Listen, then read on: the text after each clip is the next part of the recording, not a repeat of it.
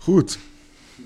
Welkom bij Die Voorlezer, de literatuurpodcast van het DIA. Ik ben Trixie En ik ben Thomas, en in elke aflevering bespreken wij een boek dat ik nog niet heb gelezen. en waarvan ik vind dat hij dat wel zou moeten doen. Oké, en wat heb je dan deze week meegenomen? Ja, eh, goedemorgen Thomas. Ik heb deze week, en, en ik weet niet zeker of je het eh, al gelezen hebt, eh, Goethes Die Leiden des jungen Werthers bij me. Ja, ja, ja, die heb ik zeker wel gelezen. Nou, gelukkig maar.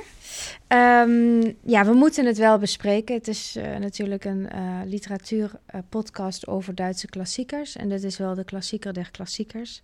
Dus ik wilde hem sowieso ehm, met je bespreken. Ja, Ehm, maar goed, waar moeten we beginnen? ja eh, bij de brieven? Bij, Ja. bij Goethe? Wie? Bij Goethe. Ja, Ehm, bij Goethe, ja, het is, eh, ik denk wel het beroemdste werk van Goethe. Dat weet ik niet zeker. Misschien is dat ook wel eh, de Faust. Maar ik denk dat, eh, gezien de impact van dit boek destijds, het boek toch al ehm, heel wat eeuwen beroemd is. Geschreven in 1774 en doorbraak voor Goethe zelf. Ehm, hij is daarna ambtenaar geworden en eh, is dat een tijdje geweest. Is vervolgens eh, een Italiaanse reis gaan maken en is eh, daar ehm, ook alweer in aanraking gekomen met zijn kunstenaarsziel. En is uiteindelijk natuurlijk vooral beroemd geworden als groot schrijver. En die Werther, die heeft hij toch, ja, in de loop van zijn leven wel weer een beetje losgelaten. Ehm, hij heeft zelf daarover gezegd dat het schrijven van de Werther als een soort biecht was. En dat hij daarna weer licht en eh, luchtig verder kon leven. oké. Ehm, nou, de rest van Europa niet. hoezo- eh, hoezo- maar eh, Hoezo dan een biecht? Voor, een biecht Ja. voor wat? nou, er zitten wat autobiografische elementen Ah, oké. in het boek. Ook Goethe had een, een Lotte, een Charlotte in dit geval. En ehm, vluchtte eigenlijk weg voor haar. En had het gevoel dat hij overgeleverd was aan zijn ehm, emotionele, eh, turbulente binnenwereld. En dat hij daaraan te gronden zou, eh, zou gaan als hij niet eh, tijdig zou vertrekken uit haar invloed. En dat heeft hij toen verstandig als Goethe is gedaan.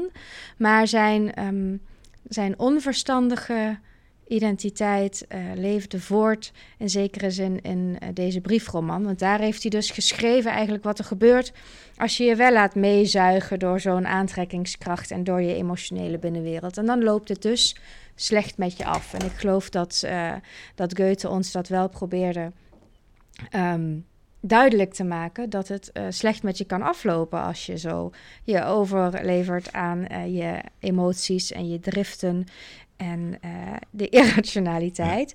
Maar de lezers ehm, hebben zich toch, eh, helaas zou je kunnen zeggen, want daar liep het dan ook vaak niet goed mee af, wel geïdentificeerd met die eh, jonge Werther die ehm, eh, hysterisch dramatische brieven schrijft aan zijn vriend Wilhelm. En Wilhelm, dat, daar lezen we geen brieven van, maar we kunnen wel ehm, uit de brieven van Werther destilleren dat die Wilhelm eigenlijk een vriendelijke, verstandige jongen is, die hem probeert ook te helpen en die ook van die goede dingen zegt van ja, je moet nu of haar hart proberen te winnen of je moet haar gewoon laten gaan. Maar dit gedweep, daar komt niemand verder mee. Mhm. Hè, dus die Wilhelm, daar, dat is niet echt een personage, maar dat is wel een, een, een verstandige jongeman die als het ware buiten het boek staat. Maar de lezer van toen heeft die hele Wilhelm nooit waargenomen en heeft zich verkleed, letterlijk, eh, als Werther. En er is ook een zelfmoordgolf door Europa gegaan. Werther-fieber heette dat. Het was vrij Ja. dramatisch. Ik vind dat je een beetje op de zaken vooruit loopt met de, wat betreft de zelfmoord. Want, Ja, hè, ja oké. dat was we hadden heb, misschien eh, even spoiler alert moeten Ja, inderdaad, Sorry inderdaad. daarvoor. Dat gaat erg snel. Hè, Werther, ik ken Werther als een hele verliefde jongen Ja. die, die zijn meisje wil, maar dat meisje dat is onbereikbaar en eh, hij doet er alles voor om haar te bereiken. Ja. Dat, dat klopt een beetje, toch? Hij doet er Eh, alles ja. voor, maar hij doet misschien niet per se de goede dingen. In ieder geval, een lieve jongen is het zeker. En laten we daarom maar eventjes ehm, aan het begin eh, meteen een stukje voorlezen. Het is de beroemde brief van 10 mei. En dat is eh, de, de tweede brief die Werther dus schrijft aan zijn vriend Wilhelm. En ehm, hij ligt in het gras. En hij is dus ontvlucht uit het stadse leven.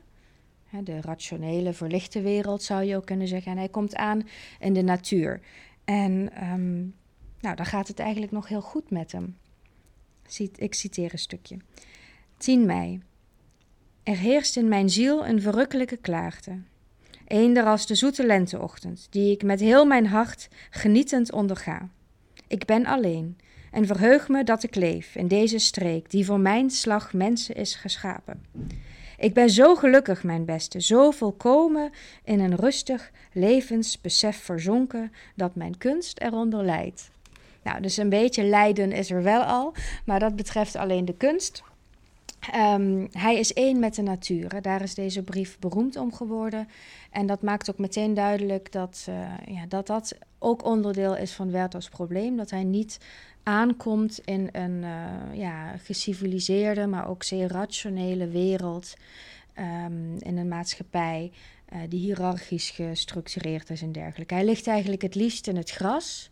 En zolang hij ook rustig in het gras kan blijven liggen, vindt hij het ook niet erg dat hij alleen is. Hè. En de brief gaat verder met uh, uh, hoe de muggetjes en de vliegjes en de kevertjes om hem heen krioelen en hoe vredig dat allemaal is. Dus is, dan gaat het nog goed. Is het dan een beetje een buitenbeentje die niet helemaal meekomt? Het is in ieder geval wel een Einzelganger. Ah, ja. um, en hij, hij is iemand die veel met zichzelf ook bezig is en ook veel ja, uh, veel voelt. Een gevoelsmens. En niet zozeer een, een, rationeel mens. En dat, dat, dat zit hem dwars. Dat is een probleem. En dat is van begin af aan zo dat hij zo gedefinieerd wordt.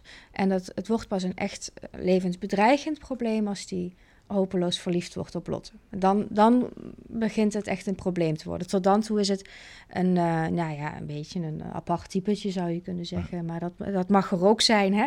Het wordt pas problematisch als die verwoestende, leidenschaftliche, heimzoekende uh, verliefdheid. Uh, Want hoe, hoe, wat is een beetje de afloop van het verhaal? Hoe, is het opgebouwd?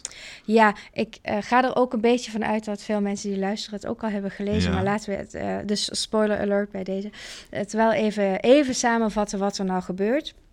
Hij is, um, hij komt in contact met Lotte.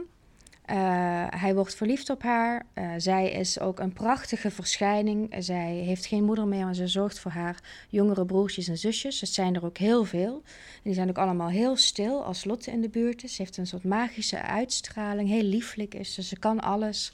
Um, ze deelt brood uit aan haar kinderen, bijvoorbeeld een hele mooie scène.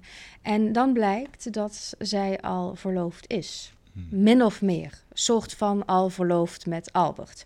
En Albert Um, die uh, leert uh, Werther dan ook kennen in de loop van, uh, van deze briefroman. Daar doet Werther dus verslag van. Is een vriendelijke man. Iemand die het beste met iedereen voor heeft. Ook iemand die met beide benen op de grond staat. Iemand die geen gekke dingen doet. En waar ook niet zo heel veel mis mee is.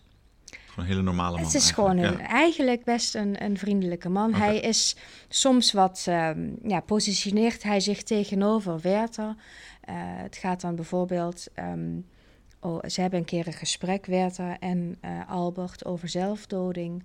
En uh, um, Albert keurt dat af. En Werther zegt van ja, zo iemand is gewoon ziek. Net als wanneer je koorts heb, hebt, dat kun je ook niet iemand kwalijk nemen. Dus waarom zou je het wel kwalijk nemen als iemand dus lijdt aan hè, een, een, innerlijke uh, ja, geestestoestand.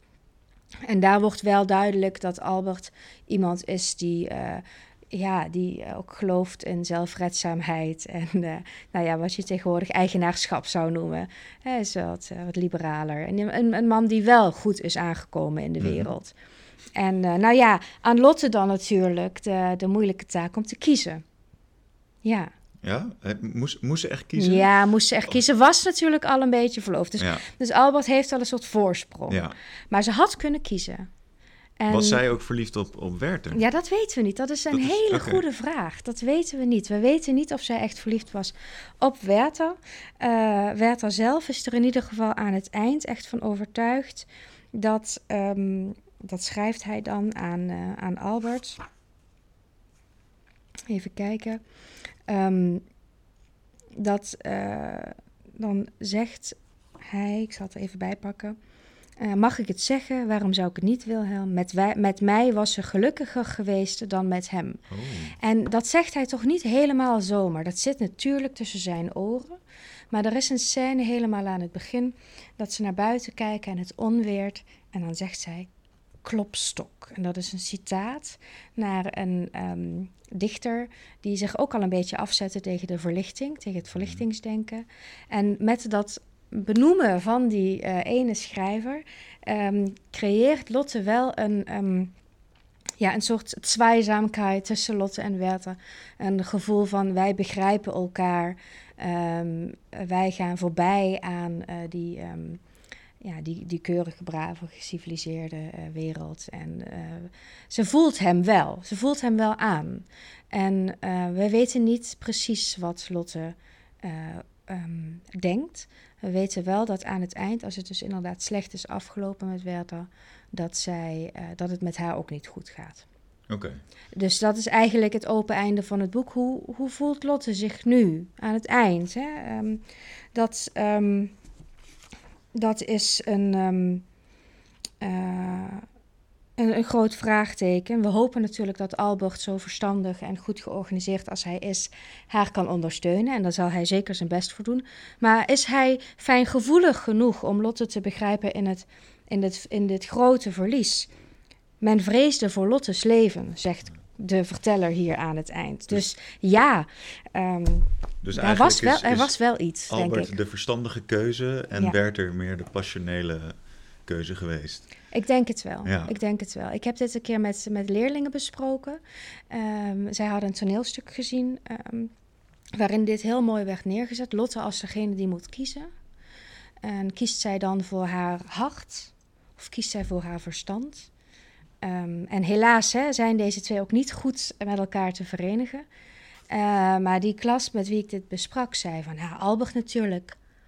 Ja, ja, het is een aardige jongen. Bovendien biedt hij, ik citeer, um, financiële zekerheid. Dus um, ja, ik dacht, nou ja, het puberbrein is toch heel emotioneel. Maar dat is dus helemaal niet zo. Dat is heel berekenend. Nee, dat is misschien iets wat zich later ontwikkelt. Die, uh, maar uh, nee, uh, er waren een paar meisjes in de klas die vonden Werther dan ook wel ja. heel sympathiek en vooral ook zielig. Ja, dat sneu. is het. Werther is gewoon heel zielig. En dat, dat komt ook de hele tijd naar voren in dat verhaal, volgens ja, mij. En, dat hij zich ook zelf een beetje medelijden heeft. Absoluut. Zwelgt hij in zelfmedelijden? Dat is absoluut het geval. Maar we kunnen ons wel afvragen van... Goh, misschien was het wel goed gekomen met Werther... als Lotte voor hem had gekozen. Wie weet, hè? dat weten we natuurlijk niet. Maar er zit heel veel in zijn identiteit... dat um, uitstraalt aan ons als lezer van... nou, zo maak je het jezelf toch wel heel moeilijk... als je zo de hele tijd weer terug hè, die, naar binnen gaat... en voelt en ervaart... in plaats van dat je ook eens gewoon iets probeert te regelen. Ja. En ik denk dat dat uh, nu bij de lezer van nu veel meer duidelijk is. Dat het lastig is soms om die balans te vinden tussen verstand en hart. Hè, tussen verstand en gevoel. En dat destijds de lezer toch alleen dacht: oh ja, expressie, gevoel, emotie, individualiteit. Ik wil ook alles voelen. En um, dat was misschien helemaal niet Goethes intentie. Hè? Zoals ik net al zei, Goethe die zag het zelf als een biecht. Hij kon daarna weer ademen. Hij kon weer de wereld in. Hij werd zelfs ambtenaar. Hè? Hij werd mm. juist een Albert, zou je kunnen zeggen. Later kwam hij weer een beetje in het midden uit. Uh, maar hij, hij hoopt eigenlijk vooral dat het boek een beetje een, een, een catharsische werking heeft, een therapeutische werking, zoals het die voor hem zelf heeft gehad.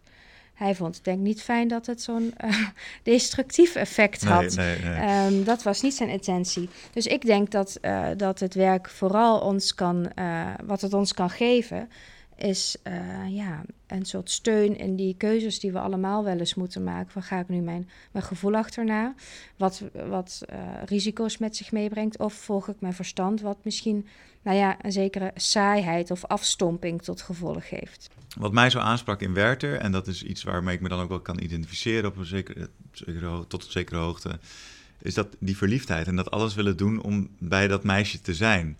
Ja. En dat is in het begin, uh, vind ik dat nog heel ja, ja, schattig eigenlijk ergens wel. En dat je dan denkt van, nou ja, oké, okay, uh, dat, dat herken je. Zo van, je, je bent verliefd op iemand, uh, je wil daar alle, alle mogelijke tijd mee doorbrengen. Ja. Maar op een gegeven moment slaat het een beetje door. En dat, zie je, dat, dat lees je dan terug in die brieven die hij aan die Wilhelm stuurt. Uh, dat hij inderdaad echt dat, dat doorslaat naar zelfmedelijden. Zo van, oh, ik ben zo zielig. En uh, Uh, Ze wil me niet, Albert is beter.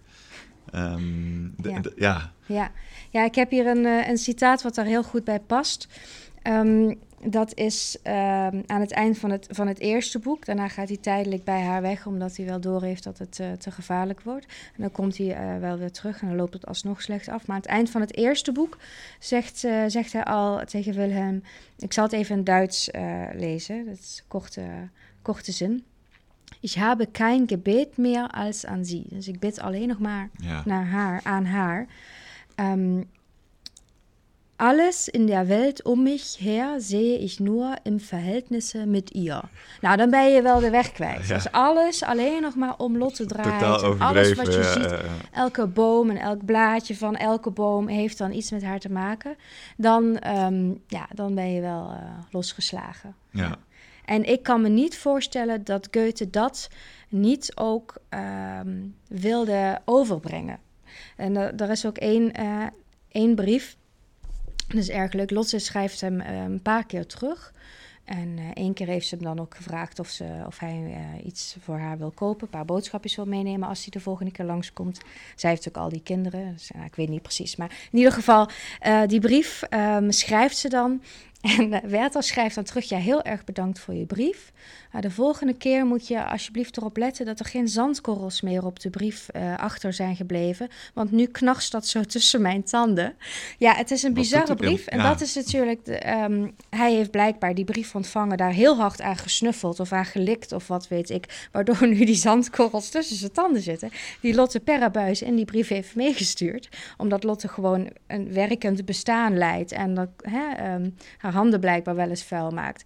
En uh, dat maakt Werther natuurlijk volslagen belachelijk. Ja. En uh, dat, dat is uh, heel af en toe zit dat in de tekst dat Goethe aangeeft van nou laten we Werther met z'n allen ook niet helemaal serieus nemen eigenlijk. Mm -hmm. Maar dat is vrij subtiel. Ja. Maar wat, wat wel heel erg hier is, dus het gaat echt voornamelijk om dat gevoel, om die emotie. Ja. En dat is dan wel weer nieuw voor die tijd, of niet? Ja, dat is inderdaad nieuw nou ja, niet helemaal nieuw. Je hebt altijd een beetje zo'n onderstroom. Maar het is in ieder geval wel een reactie op de verlichting. Hè? Uh, je hebt in die tijd toch nog vooral literatuur die uitgaat van een zekere opvoedbaarheid. Erziehbarkeit des Menschen, dat is Lessing. Um, dat je, uh, ja, dat je de mens toch moet civiliseren, moet opvoeden, ook middels de kunst. En uh, middels het verstand, of die vernunft, met, met de reden. En uh, daar tegenover uh, staat de Sturm und Drang, waar um, Goethes Werther een belangrijk voorbeeld van is. En um, daarin staat dus juist opeens uh, ook de mens nog centraal. Dat was in de verlichting ook al zo, zo maar dan de, de um, turbulente innerlijke mens. Dus het gevoel en de irrationaliteit, de natuur die normaal gesproken door die verlichting zo onderdrukt wordt en ingekaderd wordt en afgekapseld en afgestompt. En daarmee uh, zegt de Stormondrang eigenlijk ook dat het individu slachtoffer is van dat soort maatschappelijke structuren. En dat zien we bij Werther ook. Hè. Het gaat ook mis op het moment dat hij opeens dingen moet doen en moet werken. En dat uh, valt hem allemaal zwaar. Ja, dus zolang hij veel vrije tijd heeft, uh, gaat het allemaal nog wel. Hij past zeg maar niet in de kaders van de maatschappij. Nee, en, nee, nee, hij zet ja. zich ook af tegen hiërarchische structuren. Hij kan daar moeilijk aan meedoen. En nou ja, daar is natuurlijk ook wel iets voor te zeggen. Ik bedoel, verlichtingskritiek is ook van alle tijden. En de verlichting heeft natuurlijk ook een zekere keerzijde. Um, en uh, de Storm und Drang is daar het eerste beginnetje van in die Duitse geschiedenis. Dus het begint al tijdens de verlichting, begint al de verlichtingskritiek. Maar dat zien we later um, met de romantiek ook. En uh, uiteindelijk bijvoorbeeld in de 20e eeuw ook met Adorno en Horkheimer en de dialectiek van de verlichting. Hè, dat die rationaliteit ook kan doorslaan en daarmee eigenlijk um, juist een soort barbaarsheid wordt, mensonterend wordt, omdat het niet de hele mens in ogenschouw neemt en vooral die individuele emotionaliteit juist onderdrukt. Ja. Maar dus uh, met, met Werther mag je weer voelen. door, door Werther weten mensen, oh, ja. ik mag voelen, ik mag mijn uh, ja. Gevoelens achterna lopen. Nou en ja, in ieder dat geval... uiteindelijk leidt dan tot hè, die zelfmoordgolf. Of, ga, of is dat te snel? Uh... Ja, dat is inderdaad, hoe is dat dan precies misgegaan? Waarom leidde dat dan inderdaad tot die zelfmoordgolf? Dat is moeilijk wel maar terug te leiden. Um, Goethes uh, briefroman stond ook niet op zichzelf. In die, storm, in die storm- en drankperiode werden ook veel brieven geschreven. En die brieven zijn ook allemaal zo als in de Werther-roman. Ik las net een klein stukje voor. Ehm, veel uitroeptekens, veel uh, afgebroken zinnen, veel fragmentarisch gedoe. Um, mensen schrijven niet meer rustig een, een, een, brief, maar uiten zich echt in hun schrijven. Uh, schrijven is een, een, manier geworden om uh, ja, een soort van de ellende kwijt te raken. Een beetje zoals nu op, op Twitter. Je bent het dan even kwijt en dan gaat het ook wel weer. Van je afschrijven. Van je afschrijven. En um, daarin was deze briefroman zeker niet uniek. Alleen was het, een, was het een heel groot succes. Dus vandaar heeft het ook heel veel effect gehad. Veel mensen kenden het, dus dan kan je er ook... En dan wordt het een soort referentie. En um, ja, zoals gezegd, ik denk, ik denk niet dat Goethe... Uh, die intentie had om uh, ervoor te zorgen dat zijn lezers zich identificeren met Werther. Ik denk veel meer dat hij zegt van, nou ja, er bestaat een gevoelsleven dat we nauwelijks kunnen bevatten. En dat, um, waar we misschien soms ook mee moeten meebewegen, maar waardoor uh, we ons niet volledig moeten laten meeslepen. Want dan loopt het juist slecht met ons af.